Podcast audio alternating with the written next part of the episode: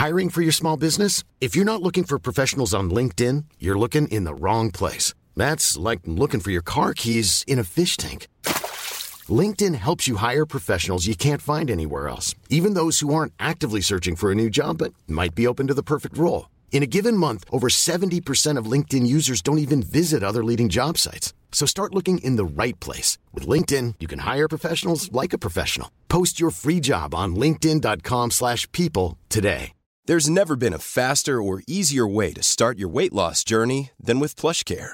PlushCare accepts most insurance plans and gives you online access to board-certified physicians who can prescribe FDA-approved weight loss medications like Wigovi and Zepbound for those who qualify. Take charge of your health and speak with a board-certified physician about a weight loss plan that's right for you. Get started today at plushcare.com slash weight loss. That's plushcare.com slash weight loss. plushcare.com slash weight loss. Hey, it's Ryan Reynolds, and I'm here with Keith, co star of my upcoming film, If, only in theaters, May 17th. Do you want to tell people the big news? All right, I'll do it. Sign up now and you'll get unlimited for $15 a month in six months of Paramount Plus Essential Plan on us. Mintmobile.com slash switch. Upfront payment of $45 equivalent to $15 per month. Unlimited over 40 gigabytes per month. Face lower speeds. Videos at 480p. Active Mint customers by 531.24 get six months of Paramount Plus Essential Plan. Auto renews after six months. Offer ends May 31st, 2024. Separate Paramount Plus registration required. Terms and conditions apply if rated PG. Det här är podden Utan dig med mig Alexandra. Och mig, Emily. Det här är en podd som handlar om förluster och framförallt förlusten av våra barn. Vi kommer att prata osensurerat och öppet från våra hjärtan. Vilket kan göra att innehållet väcker mycket känslor. Alla sörjer olika och det finns inget rätt eller fel. Men risken finns därför att någon kan ta illa upp. Men vi hoppas att våra lyssnare inte ska ta illa upp på något sätt.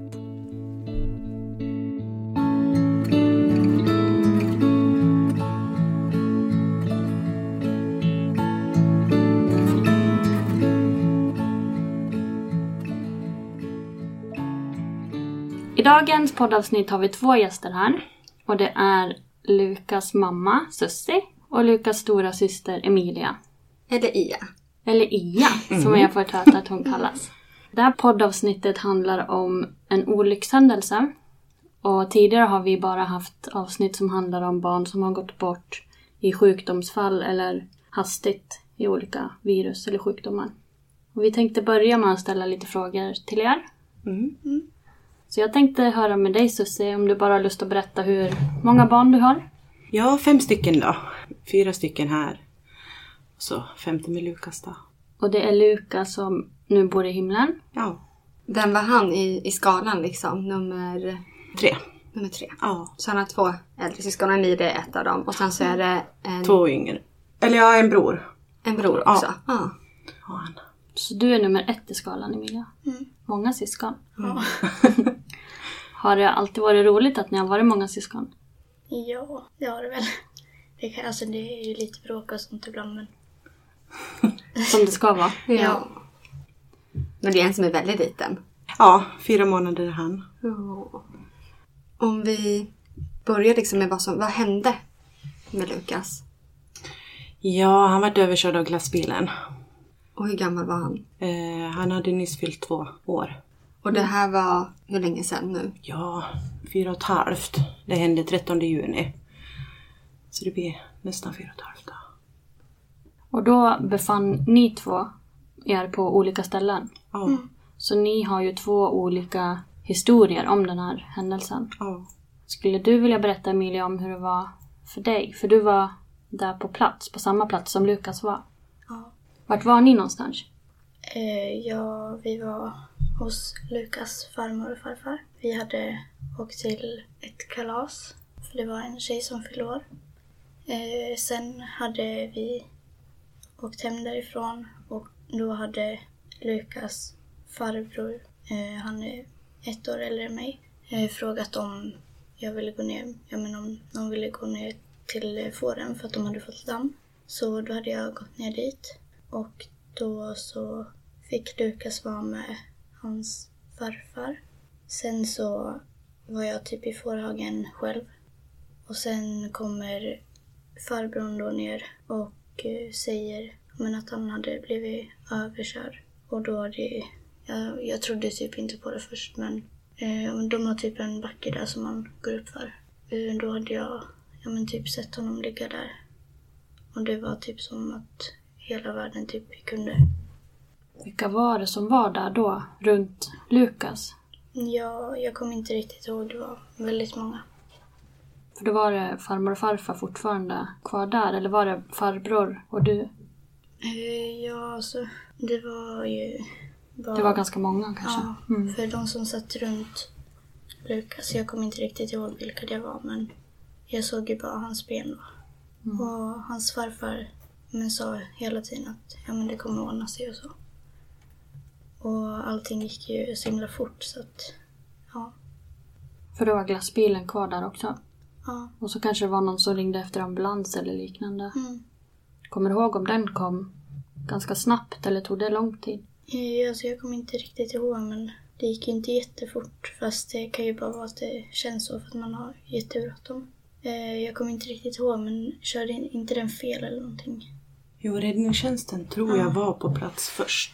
Tror jag. Mm. Vet ni hur det var med Lukas då när räddningstjänsten var? När de kom först?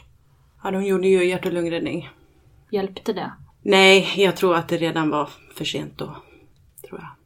Var du kvar då Emilia när räddningstjänsten kom? Eller sprang du typ därifrån eller? Eh, de hade typ en, ja men de har först typ som en grusbacke upp eller jag vet inte hur man ska förklara. Mm. Och sen gräsplätten där på sidan. Där sitter då hans farfar och kramar om några. Eh, och ja men då fick jag komma dit. Och ja, då, det var då han sa att ja men allting kommer ordna sig och ja. Kändes det som att det skulle göra det då? Jag försökte ju tänka så men det känns ju fortfarande jättejobbigt och ja. Tänker du på det här ofta? Alltså nu har det ju blivit mycket nytt eftersom vi har flyttat till Jocke. Eh, och det blev ny skola och sånt. Så att det är ju inte direkt att vi är kvar på samma plats, att man kan tänka på det så. Så jag, det kan ju fortfarande komma upp ibland då. Hur var det för dig i början? Jag tänker med tanke på att du såg Lukas ligga där på marken. Drömde du mardrömmar och så på nätterna efteråt? Eller? Jag kommer inte riktigt ihåg men jag var ju ledsen ganska långt efter. Jag gick väl i trean då. Visste inte riktigt hur jag skulle ta ut det på något sätt. Så att, ja men det blev ju mycket ja, tjafs och sånt på skolan. Eh, mellan en tjej och mig och typ två av mina kompisar. Men alltså hon och jag har ju löst det nu och nu är hon typ en av mina närmaste vänner. Har det varit jobbigt om folk har frågat dig frågor om Lukas? Det är inte så många som har gjort det direkt. Utan det är väl bara om jag har varit till kuratorn eller... Nej men på årsundeskolan fick väl inte se jag prata med honom. Nej. Det var när jag kom till Svärsjö som jag fick börja prata igen eller typ familjehälsan. Och vad heter det andra? Ringblomman.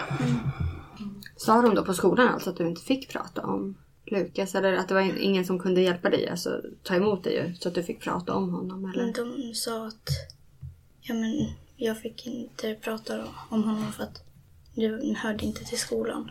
Och jag känner att det gör ju ändå det för att det är ju en utav sakerna som gör att det går ju lite sämre då när jag mår på sämre humör. Mm. Såklart. Ja, såklart. Hur kände du då när du fick höra om det här? Alltså att hon inte fick prata om... Ja, jag tyckte det lät helt idiotiskt. Med tanke på att det går ju ut över skolan om det är där hon mår dåligt liksom. Och... Men vi var ju som sagt på familjehälsan och provade där. Och... Men det fick du inte heller ut så mycket av. Nej, det var, alltså, det var inte så mycket att vi pratade om just honom. Det var väl de första gångerna. Sen var det väl mer om andra saker, om hur jag mådde de några veckor och Ja, och så var det liksom så att jag skulle sitta med henne där. Eh, och jag tror att det hade varit bättre om du hade fått sitta själv. Men alltså jag fick ju säga att du skulle gå ut och så men Ja. Men det kanske inte är så lätt att säga. Nej. Nej. Och man kanske inte vill säga allting heller. Kanske har varit rädd för att mamma ska bli ledsen också. Mm. ja, jag tror det handlar mycket om det. för du åt ju inte så mycket då. Eller du åt väl typ inte alls. Nej. Eh, så att jag, jag mådde ju dåligt över mig själv och sen utöver att alla andra mådde dåligt också. Men idag känner du att du får bättre, eller har fått bättre stöd? Ja, det finns ju alltid kompisar som ja, men, tröstar en eller familjen som man kan se allt till och ja, kommer alltid finnas där för en. Och du Sussie, du var ju någon annanstans när det här hände. Ja, jag var hos min cancersjuka mormor och ägnade mycket tid där för att hon skulle kunna få vara hemma då. Och jag skulle åka till jobbet då, eh, eftermiddag jobbade jag. Eh, och Karin, Lukas farmor, ringde till mig när jag var på väg till jobbet. Eh, och jag hörde inte för jag spelade för hög musik i bilen. Sen såg jag kort därefter. Eh, så jag ringde upp henne och då sa hon att du, du måste komma hit. Och ja, vad är det då då, sa jag. Ja, Lukas har blivit överkörd. Eh, så jag ja, jag vet inte riktigt vad jag gjorde. Det vart helt svart liksom. Jag körde ja, i full kareta mot Årsunda. Och ja, när jag nästan hade kommit fram till Årsunda då ringde hon igen och sa att de är på väg till sjukhus i ambulans. Eh, så jag, eh, ja, åkte ju. De åkte ju genom Sandviken med ambulansen. Och jag tog en annan väg då, så jag kom ju ut i Varbo och då ser jag ju ambulansen där med blåljus och jag förstod ju på en gång att det var ju han. Så jag åkte efter lika fort som ambulansen. Jag vet inte vad jag tänkte. Eh, jag vet inte om jag åkte mot rött ljus in i Gävle. Men också körde de in i ambulansingången där. Och jag parkerade taxin precis utanför för jag hade den med. Eh, och frågade, är det, är det min son där inne? Liksom bara, ja. Så då gick de iväg med mig för de, ja, de hade ju precis öppnat ambulans i bak. Eh, men de stängde igen då när de såg att det var jag. Eh, men så fick jag gå iväg med en. Eh, och så sen, ja medan de tog in han på rummet då. Och så, så frågade sköterskan om jag ville gå in i rummet medan de höll på med honom. Och det ville jag. Så då gick hon in först. Eh, bara för att titta liksom hur han såg ut om det var okej okay om jag följde med. Och det gjorde det, så jag fick sitta där på en stol och titta när de höll på ge han adrenalin på adrenalin och eh, ja, blodet rann ju i örat på honom och jag kände liksom, nej det, det är kört. Men, och de höll på att göra hjärt och lungräddning och till slut då kände jag mig så yr. Så jag sa det att nej, jag lägger ut. Och så gick jag ut, tog frisk luft och när jag kom in igen då mötte jag ju läkaren i korridoren där. Och hon sa det liksom att det finns inget mer att göra. Jag bröt ihop totalt, jag skrek rakt ut. Satt mig på, på golvet. Eh, och liksom hon sa det att ja, du får följa med in på rummet för de höll ju fortfarande på med andra. Så de slutade ju med, med hjärt och lungräddning när jag kom in i rummet då. Var du själv där då som anhörig eller hade några andra hunnit komma till sjukhus också? Nej, Lukas farmor kom ju i en annan ambulans in till sjukhuset också då. Så hon var där hon också. Men ni följde inte med till sjukhuset, Emilia? Ni kom efteråt. Mm. Ni åkte med polisen va? Eller? Ja. ja. Och jag vet att jag ringde så många samtal på vägen till Gävle liksom. Eller på väg till Årsunda först. Eh, och Lukas pappa ringde jag till och han var ju, han sa ju liksom nej men det är säkert ingen fara, det går nog bra. Det är nog inte så allvarligt liksom. Intalade han sig, för han var en bra bit ifrån, för han var ju iväg och köpte en bil då. Sen ringde jag till eh, en kompis och så sa jag det att dör Lukas ifrån mig nu då kommer inte jag klara det, sa jag. Och hon sa ju lika så att nej men det är nog inte så farligt liksom. Och jag vet att jag ringde min mamma. Eh, och hon var helt cool liksom. Ja men det var nog svårt att förstå för dem liksom. Men hade någon sagt till dig typ hur allvarligt de trodde att det var eller något? Eller du visste bara att det var blåljus till sjukhuset? Ja, jag vet att jag frågade eh, Lukas farmor hur det var med hur det var med han och hon sa det, jag vet inte, de håller på med han i ambulansen nu. Ja men du lär ju veta någonting liksom. Nej, hon visste ingenting. Och jag liksom, nej, jag kände, mig näst, kände det nästan på mig att nej, det här kommer inte gå vägen. Det bara kändes så. Fick du berättat för dig efteråt vad det var för någonting som hade hänt där på plats eller? Det är inte så många som vet riktigt hur det, hur det gick till från början. Så jag har inte fått direkt svar så. Nej. Hade han då sprungit ut själv troligtvis utomhus eller hade han varit ute eller? För så som jag förstod det, det var att Lukas farfar trodde att han hade sprungit upp emot huset. Eh, men det hade han ju inte gjort då. Och han som körde glassbilen, han kände ju att han körde på någonting och så hade han väl kollat och då var det Lukas som låg där då. Så han För hade inte- glassbilen kom och ville, skulle liksom sälja glass. Ja, så de hade ju nyss köpt glass då. Hade han varit med och köpt glass? Ja. Alltså jag har ju en treåring hemma så det blir så här du vet. Man Ja. tänker ja. Måste han ha- alltså, kanske vilja springa efter eller? Ja, och jag har ju så svårt att tro liksom att han har krypit under på något vis. För han var ju inte så. Han var ju, han var ju van med traktorer och var inte alls klängig på fordon. Alls så. Så det är väl den frågan man aldrig kommer få svar på. Det måste vara jättejobbigt. Ja, det är det. Och så när du, du har ju själv inte varit på plats. Har du tänkt mycket på det efteråt liksom? Ja, men jag vet att eh, jag pratade, eller ja men då när eh, mormor låg inne på eh, sjukhuset så sa jag det till Niklas, Lukas pappa då, att eh, enda sättet för att hon ska få komma hem, det var ju liksom att ha någon där hemma. Eh, så jag frågade han om det var okej om jag var där. Ja, men vi finns ju alltid kvar, det kommer inte hon göra. Och det sitter så hårt inne det. Så var det han dog först liksom. För när var sista gången du träffade Lukas i livet? Den 12 juni, dagen före, för då skulle jag iväg och, iväg och jobba. Och den dagen minns jag så väl då. Vi var på dagis och skulle ha eh, ja, med möte där då. Eh, och han ville inte vara ute med de andra utan han ville sitta inne med oss och prata. Eh, han skulle ju prompt vara med. Eh, och sen hör man hans skratt. Då har han gått in i ett annat rum och så har de liksom någon, vad ska man säga, gummiband med massa pärlor på som hänger i taket liksom. Där höll han på att rycka och släppte och ryckte och släppte liksom. Eh, och så skulle vi, eh, var vi klara och så skulle vi gå därifrån. Och han liksom, hej då, sa han. Och det var ju hej då då. Och vinka och de sa, ja men vi syns på måndag liksom. Och så vart det aldrig ja. Sen var vi hem, planterade blommor. Och hux flux var han borta och så hör jag eh, på vägen att ja, det låter som att, last, att en lastbil kommer. Då. Jag tänkte shit, vad är han? Eh, för jag höll ju på att städa ut åt kaninen också då i samma veva. Så jag springer dit så då håller han på med de här tomma eh, blomlådorna liksom eh, bredvid trappen. Och såg så glad ut liksom. Sen när jag skulle lämna han på kvällen, eller ja när jag skulle iväg till, jag skulle iväg och jobba då och sen skulle jag åka till mormor och sova då. Eh, och då står han där på trappen och vinkar och hejo, hejo, sa han. så det var sista gången jag såg honom. Och hur var det för dig under tiden här när ni åkte, ni åkte polisen, med polisen till sjukhuset? Hur var det då? Ja, det var väl lite så här. Jag hade ju aldrig riktigt gjort det innan. Så det, jag vet inte riktigt. Jag, kan, jag tror inte jag tänkte något speciellt utan. Men innan tror jag att jag sa och frågade om de kunde ringa pappa eh, till typ Karin eller Freddy då, eh, Lukas farfar. Och sen hade då pappa kommit så jag tror pappa följde med i polisbilen också. Och då sa väl pappa någonting och, ja, men för att få mig på något bättre humör. För sen kom du till sjukhuset och då såg ju du att mamma var väldigt ledsen. Mm. Det måste ju också ha varit väldigt jobbigt att se sin mamma så ledsen. Ja.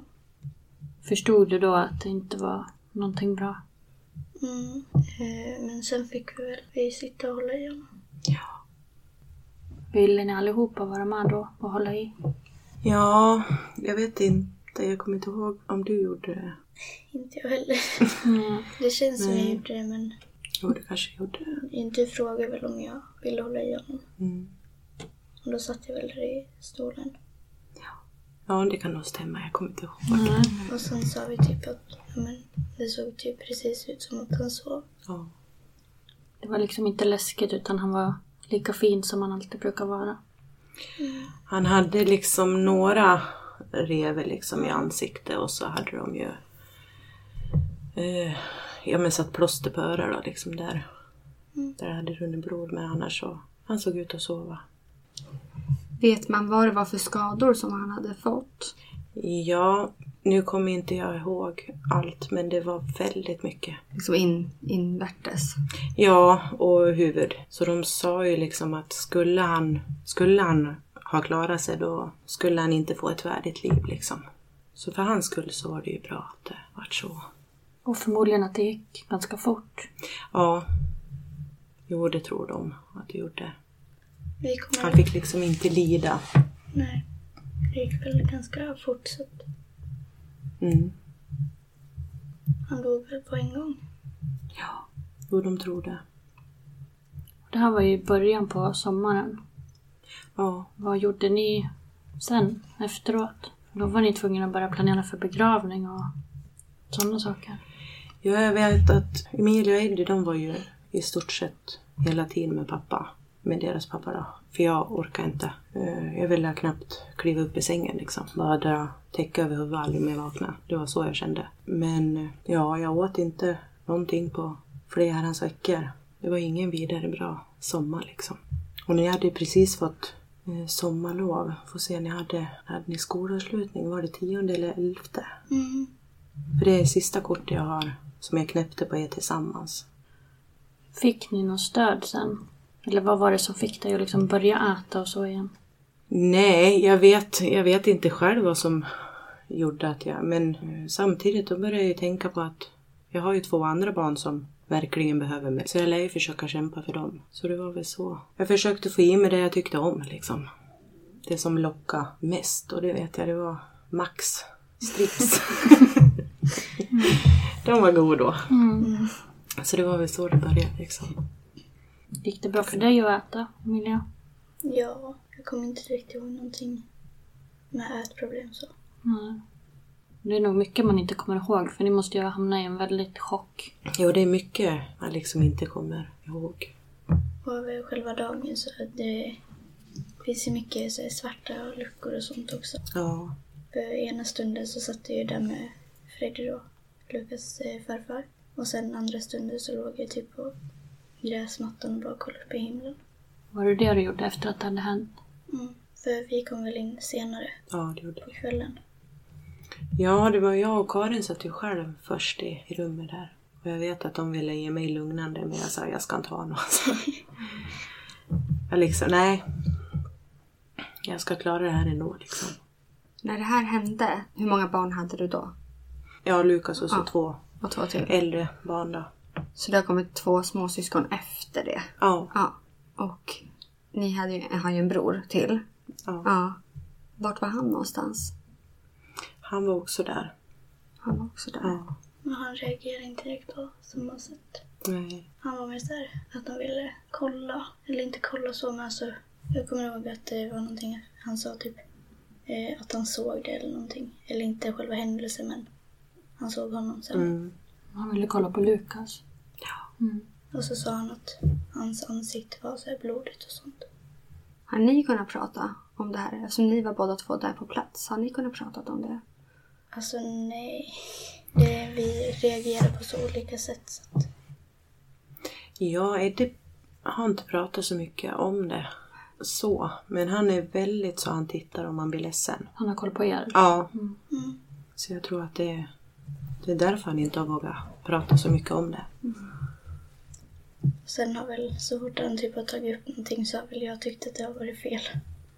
Ja, men han har ju varit lite mer så här, ja men tänk om Lukas har varit här. Då hade han ätit så här lika, eller lika mycket som mig. Och han pratar lite så. Blir ni lite mer ledsen av sådana tankar? Nej, jag tycker det är ganska skönt att han kan tänka så liksom. Eller om vi är på någon plats så kan han säga, ja undrar vad Lukas skulle ha gjort och liksom, ja, jag tycker att det är ganska skönt ändå att han tänker på han. Hur gammal är han? Eh, han är 11 Han är nu. elva. Mm. Så det är två år mellan er. Ja. Så ändå stor också. Alltså då när det hände liksom. Ja.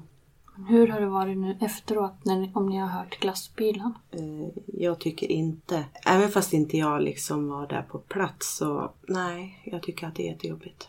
Förstår jag. Hur tycker du då Emilia? Ja, det, alltså, varje gång jag hör en glassbil så blir det... Vissa gånger så kanske jag reagerar mer för att då kan det vara en sämre dag. Men annars kan det bara vara suckar och sånt. Eh, och sen i skolan så var det ju mycket... Ja, men, ja, mycket prat om glassbilen för att alla älskar glassbilen och grejer. Och sen efter sommarlovet då så om de pratade om glassbilarna så alltså, då var det inte lika kul för mig. Kunde du säga det till dem då eller höll du det tyst för dig själv? Jag kommer inte riktigt ihåg men de hade ju typ sett på i typ någon tidning eller någonting. Så att vissa förstod ju och sånt. För jag sa ju till vissa själva händelsen och sånt. Hur var det att börja skolan igen där efter sommarlovet? Hade ni förberett skolan på något sätt innan vad som hade hänt? Eller? Ja, Så att era lärare det visste om det när ni kom dit? Jo, men det visste de om. Jag tror de till och med hade dit en präst på skolan och prata. Fick du mycket frågor i början eller var det redan då de sa att ni, du inte skulle prata om det? Nej, de sa det inte då utan det var mer mot femman, sexan. Då, alltså det var inte jättemycket frågor då utan det var väl mest av kompisar och sånt. Eh, och sen Alva, hon tjejen som jag bråkade med. Vi typ, vad ska man säga? Det var inte direkt mobbning för att vi sa ju saker till varandra. Eh, men jag hade ju två kompisar med mig och hon var ju själv. Och efter det jag typ ångrar mig jättemycket. För att eh, varför ska hon få skit för någonting hon inte har gjort? Men det var väl typ bara så jag reagerade. Jag lärde typ ta ut det på något annat sätt. Och, Det var hon som fick ta det då? mm. Jag tyckte, alltså nu tycker jag att det är liksom jättefel men jag var ju ganska liten då, eller Mm. ung.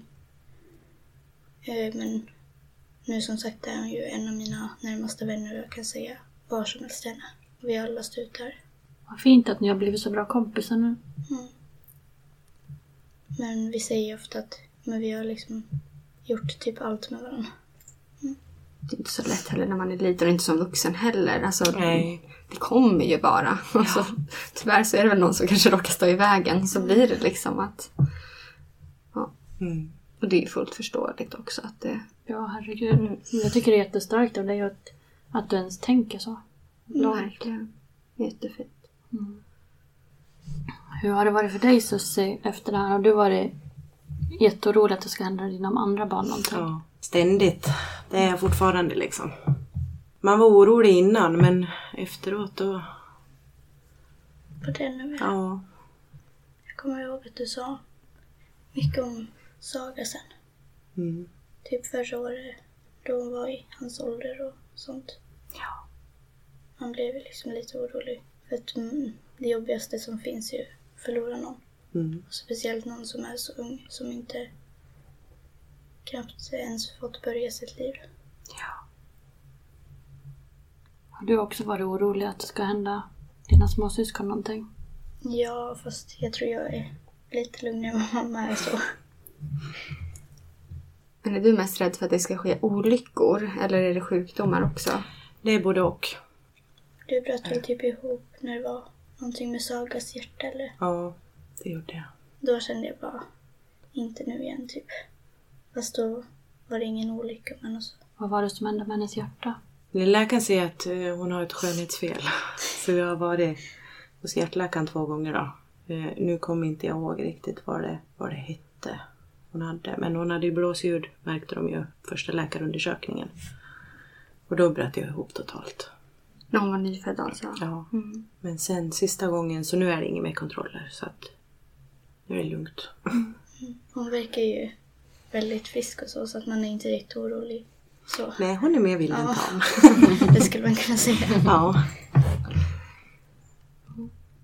Har du fått någon hjälp i det här med att du är så rädd och orolig över att någonting ska hända? Nej, det har jag väl direkt inte. För det kan ju vara väldigt jobbigt att sitta och ha det själv. Ja.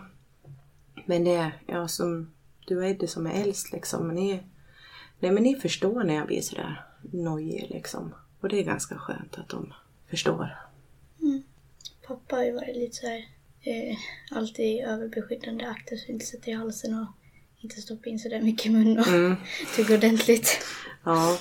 Har han också blivit mer orolig efter det här? Alla blev lite... Mm. Hur var det liksom mellan dig och Lukas pappa?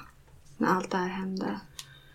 Eh, ja, vi kom ganska nära varann eh, till en början. Men eh, jag var väl mer så att jag var hemma och grävde ner mig och han eh, ville hellre hitta på saker. Tänka på annat? Ja, och jag var liksom, jag ville älta och älta och älta.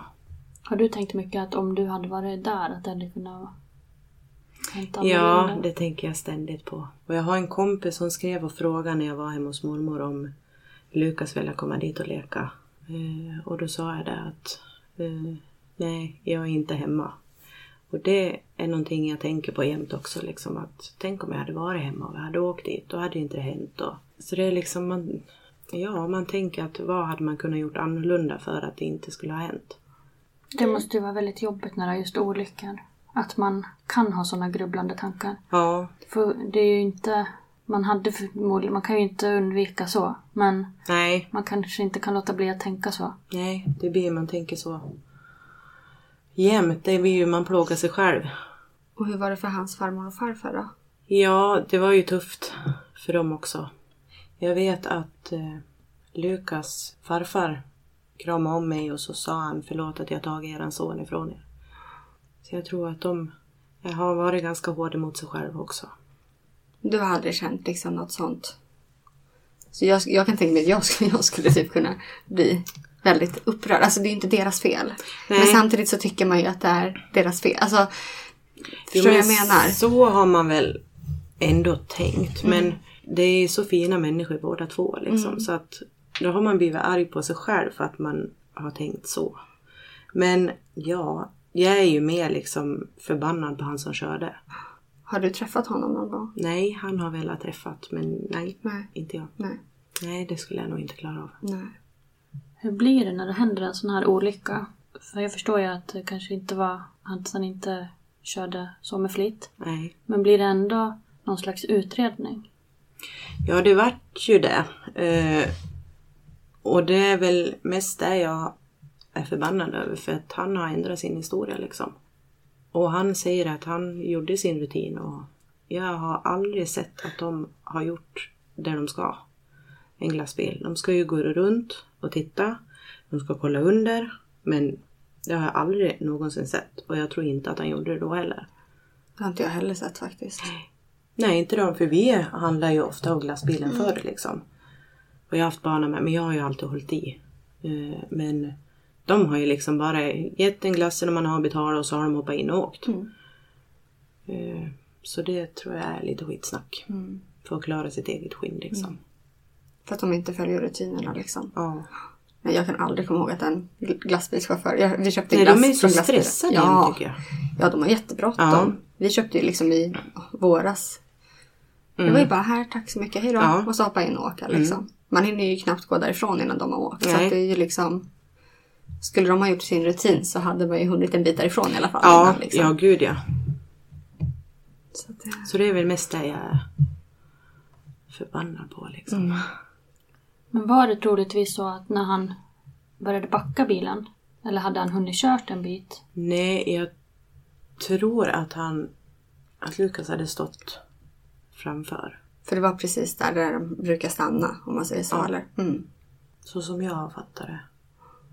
Jag tänkte eftersom att Lukas ändå hade fått så pass mycket skador. Kändes det som att det kanske var i någon slags fart. Men det blev så mycket skador ändå. Ja. Kan väl kanske bli det också om man kör sakta. Mm. Ja, absolut. Om man hamnar liksom fel. Mm. Jag tänker efter allt det här så han har ju fått två små syskon. Mm. Hur var det att skaffa fler barn? Alltså var det också en, en stor rädsla? Jo, men det var det ju.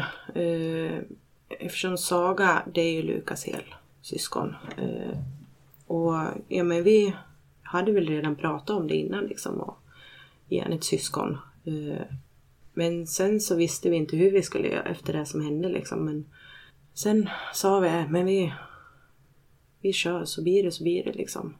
Och jag vart ju gravid ganska snabbt. Då, så hon är ju född 2016 hon. I maj och hon var beräknad 29 maj. Eh, och han var född 27 maj. Så det var min oro att de skulle, att det skulle bli på samma dag men nej, hon kom 19 maj. Nej, 18 maj. Ja. Jag har så många unga som man har. Nej, 18 maj. ja. Det är bra att du har koll. Nej, men det var tufft. Man var orolig. Graviditeten och de kom och eh, vi kollade ju aldrig vad det skulle bli. Eh, så det var väl det man var lite orolig för om det skulle komma en pojk. Du skulle tycka att det var jobbigt om det kom en pojk? Ja, jag tror att de skulle bli ganska lika då. Med tanke på Saga och han ser man lite likheter. Så jag tror att det skulle ha blivit värre om det hade blivit en pojk. Känns det jobbigt om de skulle vara för lika för att det skulle bli nästan som att de vore samma person? Eller det... Ja, det kändes lite så. Samtidigt som han, han var så lugn. som person. Eh, och, och Saga hon är ju lite mer uppe i taket än på golvet. Ja. eh, så på så vis är hon ju inte lika. Och det tycker jag är skönt. Och sen blev det en liten bebis till. Ja, eh, nu är ju det halvsyskon då men eh, det vart en liten Elvis. Som var fyra månader nu. Ja. Och det har väl även fast det är en annan pappa till han så eh, just det här att det vart en pojk. Eh, Så nej, jag vet inte man har. Och han är ganska snäll han då. Än så länge. ja, än så länge. eh, nej, jag vet inte. Det blir annat på något vis. Men om du får frågan hur många barn du har, Mm. vad brukar du säga då? Jag säger att jag har fem barn. Vad brukar du berätta då också? Det är lite olika. Det beror på hur, eller vad jag, hur jag känner liksom. Om jag, ja men man har ju sina perioder om man mår bra eller dåligt liksom. Eh, och när jag har det som jobbigast då säger jag att jag har fem barn och så säger jag hur gamla de är liksom. Sen är det bra.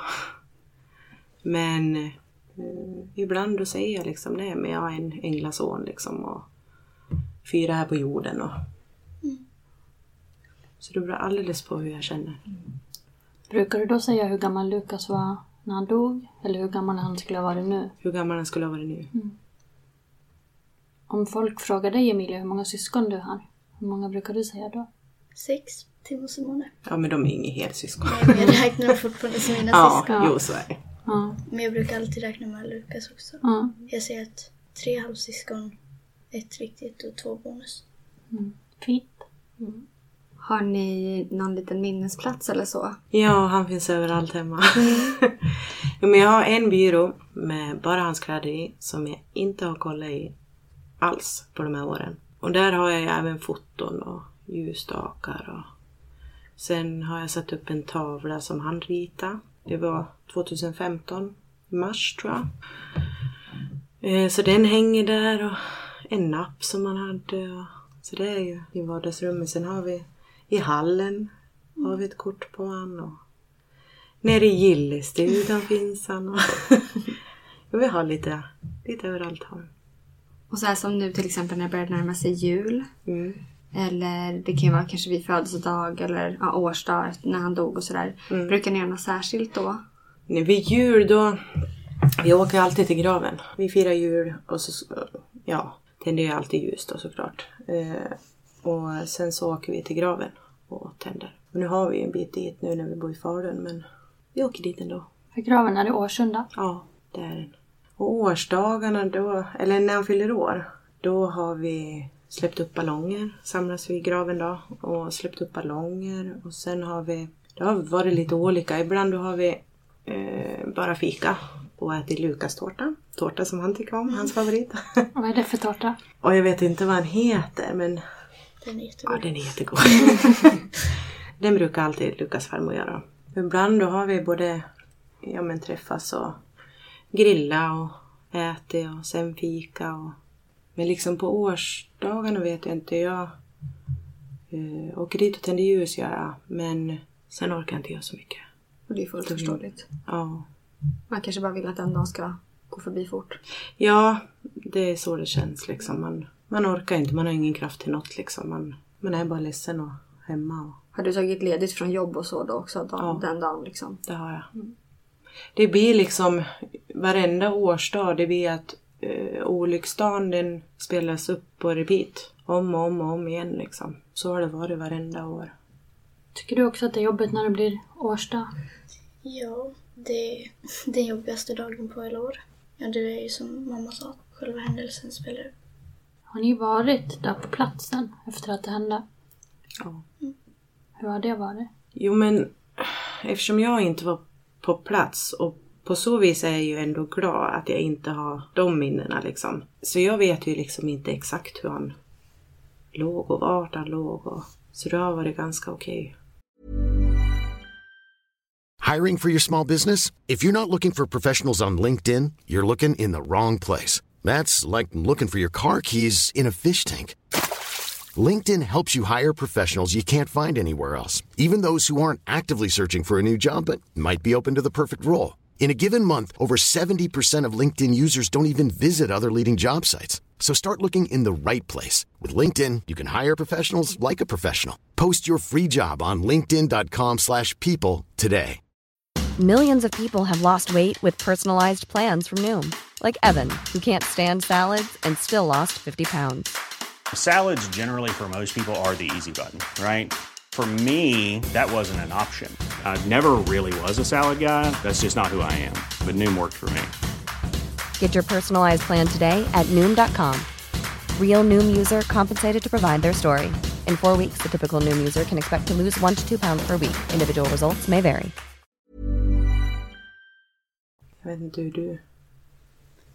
Jo, det. Ja, men någon gång i början kanske man tänkte på men vart han låg och sen händelsen. Och, men nu när jag är där så tänker jag inte alls på det.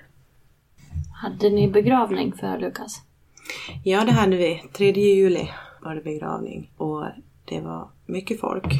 Eh, Jag har inte sån koll på det, men det är folk som har sagt att det var väldigt mycket folk. Eh, Och det var väldigt fint. Det var jättemycket blommor. Men det var väldigt tufft var det. Eh, Och jag trodde aldrig jag skulle klara mig igenom den dagen heller, men det gjorde jag. Orkade ni vara med och välja låtar och sådana saker? Eller hade du låtit någon annan få ta hand om den biten? Nej, men det valde vi. Och sen hade vi en som sjöng också. Så det var väldigt fint. Var det samma kyrka då som ni har haft skolavslutningar och sådana saker? Ja. Har det varit jobbigt för dig att vara i den kyrkan efteråt? Nej, jag har ju bara varit i den kyrkan typ. Men då när det är skolavslutning. Och skolavslutningarna har alltid varit jobbiga för mig för att då är det alltid typ men, någon dag innan. Och det är oftast nästan på årsdagen. Brukar du ändå vara med då på skolavslutningen? Eller brukar du strunta i det då? Jag brukar vara med på den ändå. Så var det väl något år då vi sjöng en av de där låtarna. Som var med på begravningen? Jag och eh, några kompisar. Mm. Ja, det var jättefint. Ja, det var ni som sjöng? Ja. Ah. Jag Jag undrar om inte det var året efter. Var det inte det? Jo, jo det Tror jag. kan det nog vara. Mm. Kommer du ihåg vad den låten heter? Jag tror att det var Jag fick låna en ängel. Det var jättefint. Jag kände att den låten betydde väldigt mycket. Så att jag ville sjunga den med några stycken. Men då var det några som betydde mycket för mig också. Eller betyder mycket för mig. Och de har ju också varit med mig i det här. Ja, det var fint.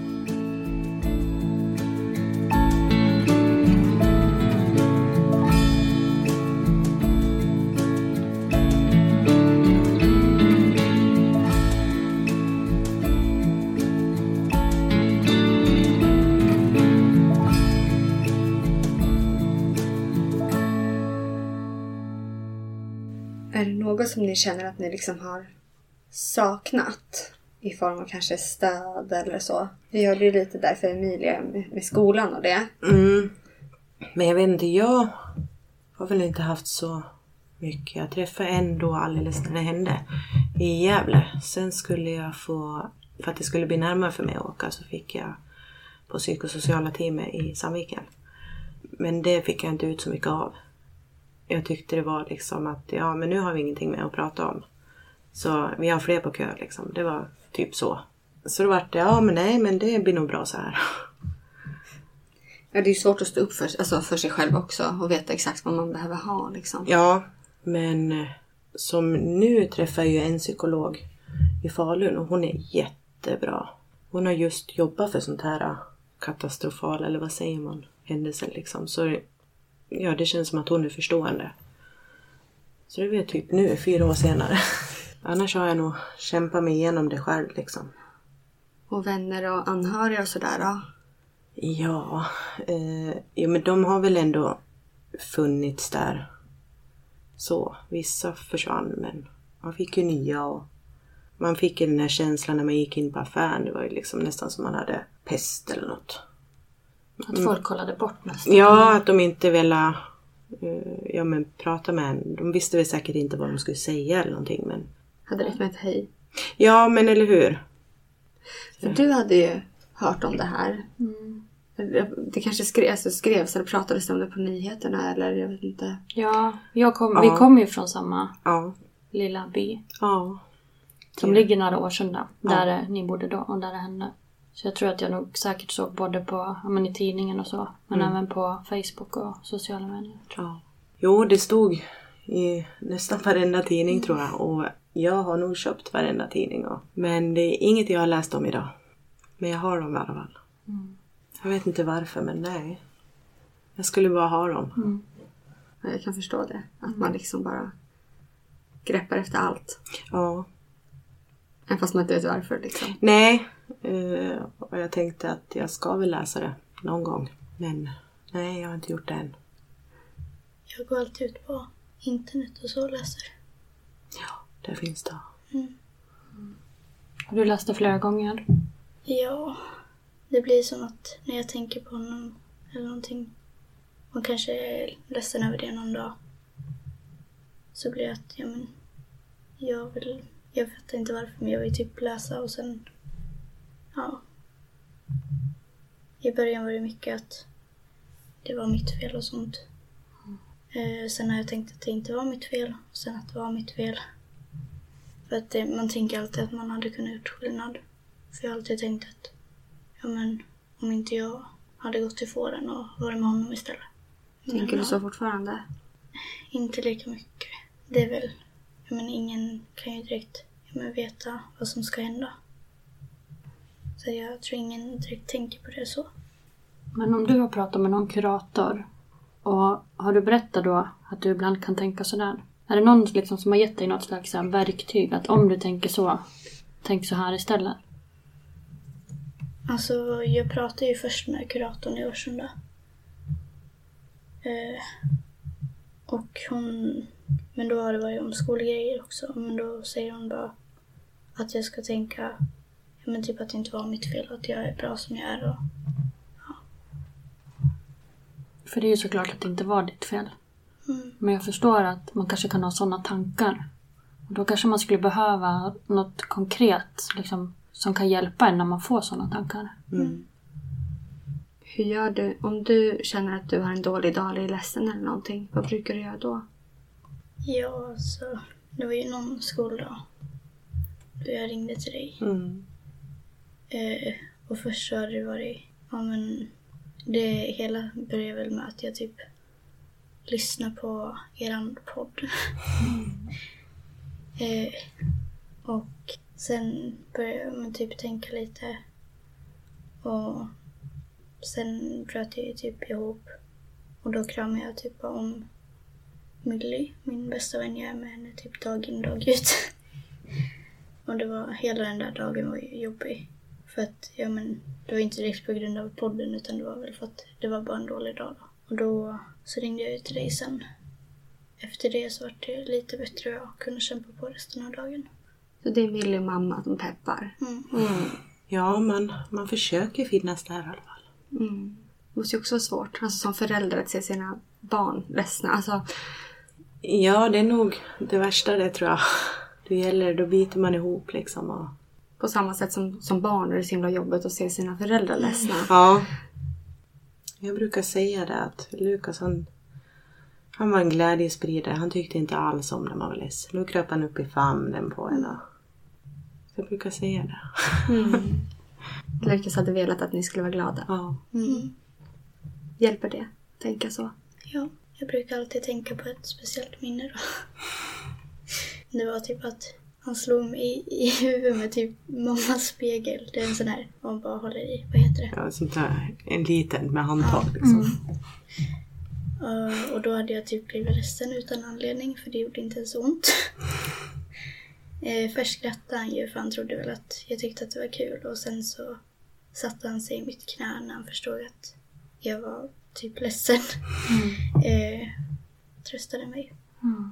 När han tröstade en så det funkar varje gång. Om du tänker på Lukas nu, brukar du oftast tänka på roliga och glada minnen? Eller kan det också bli det där då när han ligger där bredvid glassbilen? Alltså det är inte direkt så mycket, ja men först blir det mm, hela grejen börjar ju med dåliga minnen. Sen kommer de där bra minnena kryper fram och räddar dagen istället. Är det något speciellt som ni gillade att göra tillsammans? Du och Lukas? Det var väl mycket bus och sånt hemma. Men inte direkt något speciellt. Mm. Bus överlag? Mm. Mm. Ja. Jag funderar lite på om ni träffar någon annan familj eller någon annan mamma med sitt barn? Ja, som- det gjorde jag faktiskt. Eh, och det hjälpte mig mycket som hade varit i ja, ungefär liknande situation som mig. Hur kom du i kontakt med henne? Eh, det var genom kyrkan. Eh, för de hade ju några grupper för de som har förlorat barn i magen och eh, ja, jag vet inte, det var något mer. Men inte så här olyckshändelse så hon tyckte ju inte riktigt att jag passade in där. Eh, men och så kom hon på nu då, eh, Jenny heter hon. Eh, så hon ringde till Jenny och frågade om hon ville träffa mig då. Och det ville hon. Så vi har haft kontakt. Skönt att kunna prata med någon som förstår. Ja, som har varit med om liknande liksom. Men trist att man ska träffas på det viset. Men Har du träffat några andra eh, kompisar eller några andra syskon som också har förlorat ett syskon? Mm, Nej. Har ni någon gång tänkt på att det... Alltså om ni möter ett barn som skulle vara lika gammal som Lukas. ja, det var väl det som var lite jobbigt i början. För min kompis hade en som var... Ja, Lukas föddes ju i maj och Alva i eh, november. Så det var ju bara några månader där. Så det är väl det som har varit eh, lite jobbigt. I början då tänkte man inte så mycket på det så. Men sen var det ju... Det vart ju lite mer och mer så att man tänkte att han skulle ha varit si och så gammal nu. Och, men vi har ju kontakt idag. Och man tänker väl så än. Men det känns lättare. Mm. Hur var det att prata med dagis? Fröknar och sånt? Det var mycket tårar för jag var dit nu, det var några dagar efter det hade hänt. Då hade de planeringsdag. Eh, så jag fick ju komma dit. Så vi satt och pratade. Och de hade gjort en minnesplats där. Eh, för han också då. Eh, och så hade de en perm där både fröknar och barn liksom fick... Ja men barnen ritade ju teckningar och, och fröknarna skrev ja, hur de kände och så. Fick ni den pärmen? Ja, den finns kvar. Det läste jag inte för så länge sedan och då kom tårarna. Var det ni som var tvungna att ringa och berätta för dagis vad som hade hänt? Eller var det någon annan som hade... Eh, nej, jag tror att de visste det ändå. Att de har fått för Årsunda är ju litet liksom. Eh, för jag vet att de hade väl kyrkan öppen den, den dagen och när det hade hänt. För de som ville fick gå dit och tända ljus. Har det varit skönt att Årsunda är litet eller har det varit jobbigt? Att många vet och känner igen en och... Nej, men det har nog varit ganska skönt, tror jag. Att det är litet. Men däremot liksom... Ja, eftersom jag kör taxi så är det ju många som kan ha pratat om det där. Så det var väl lite jobbigt i början och när de har tagit upp. Pratade de om det för att de visste att du var mamma? Nej, Nej. de visste inte om det då. Berättade du det då eller Eh, ja, ibland då höll jag bara med liksom att det var ju fruktansvärt. Och ibland då liksom sa jag att ja, det är min son det. Liksom, och det var också lite beroende på hur man mådde och eh, vad det var för person man skjutsade liksom. Om det är någon som man skjutsar ganska ofta och så då. Fick du för reaktioner då? Eh, de vart ganska tyst och tyckte att såklart att det var hemskt och bad om ursäkt och, och beklaga och ja, det var lite olika. Ändå så konstigt måste det ha varit att fått höra liksom så här, var det typ så här, ja, jag läste eller hörde du vad som hände? Eller, Ja, ja. Och så bara, ja men det är ju, det är ju jag, alltså det är ju mitt Ja. barn. Det måste ha varit så här surrealistiskt liksom. ja. Men jag började ju jobba ganska tidigt efter. Jag tror det kan ha varit i november någon gång. Jag började jobba. Kände du att du ville börja jobba då? Eller var det... Jo, jag kände att jag kan inte, klarar inte av att vara hemma heller liksom. Och, eh, för då kommer jag inte komma någon vart i livet liksom. Utan jag måste ut och försöka. Och det var jätteskönt att komma ut. Just det här med begravningen kunde jag tycka var, ja det är ju såklart att det är jobbigt, men just det här att då i början på juni, när de, eller ja, när ni hade skolavslutning, då var ju han liksom med i kyrkan Och nästa gång vi var i kyrkan då låg han i en kista liksom. Så just sådana tankar hade man då. Och det var så kort tid däremellan liksom. Ja. Och så sen vet jag, eh, sen var det 21 juli eh, så gick mormor bort då, fem veckor efter har jag för mig att det var. Och hon begravdes i samma kyrka. Hur kändes det? Ja, hon var ju ändå gammal om man säger så. Men det vart ju fel för jag tänkte ju mycket på Lukas.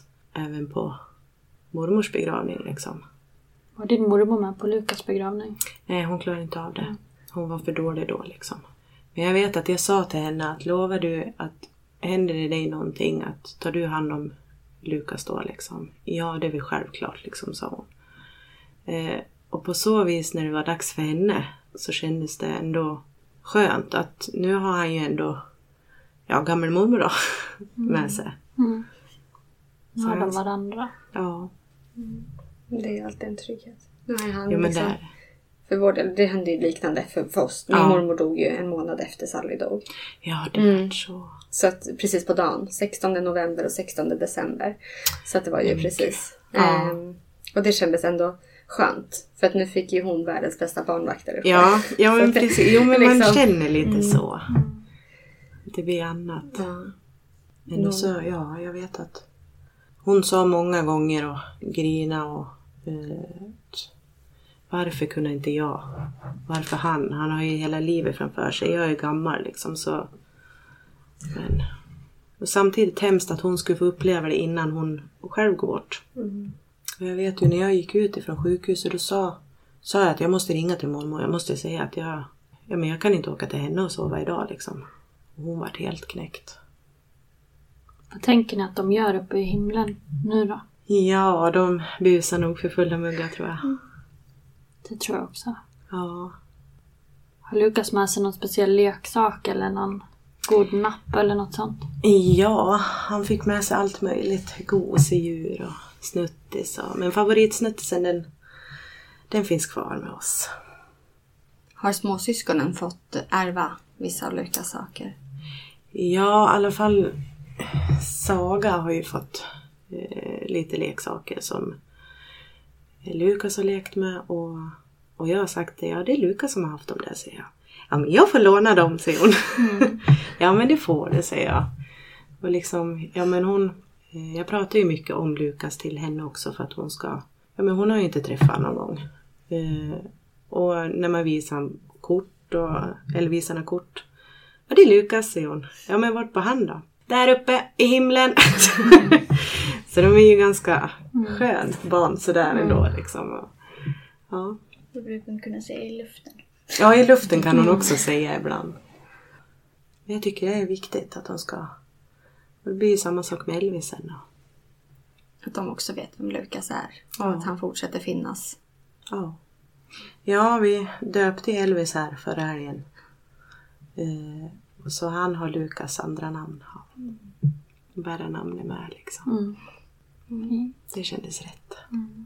Då vill vi tacka jättemycket för att ni kom hit idag. Ni har ju åkt en bit. Ja, tack själv.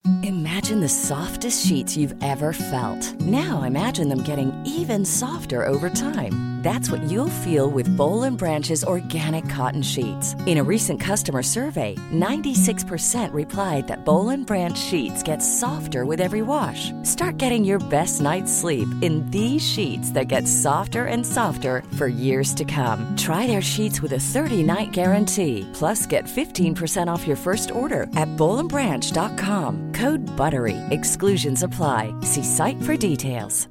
Hi, I'm Daniel, founder of Pretty Litter. Did you know cats tend to hide symptoms of sickness and pain? I learned this the hard way after losing my cat, Gingy. So I created Pretty Litter, a health monitoring litter that helps detect early signs of illness by changing colors, saving you money and potentially your cat's life. Pretty Litter is veterinarian developed, and it's the easiest way to keep tabs on your fur baby's health right at home. Go to prettylitter.com and use code ACAST for 20% off your first order and a free cat toy. Terms and conditions apply. See site for details. Hey, it's Paige DeSorbo from Giggly Squad. High quality fashion without the price tag? Say hello to Quince. I'm snagging high end essentials like cozy cashmere sweaters, sleek leather jackets, fine jewelry, and so much more. With Quince being 50 to 80% less than similar brands and they partner with factories that prioritize safe ethical and responsible manufacturing. I love that. Luxury quality within reach. Go to quince.com slash style to get free shipping and 365 day returns on your next order. quince.com slash style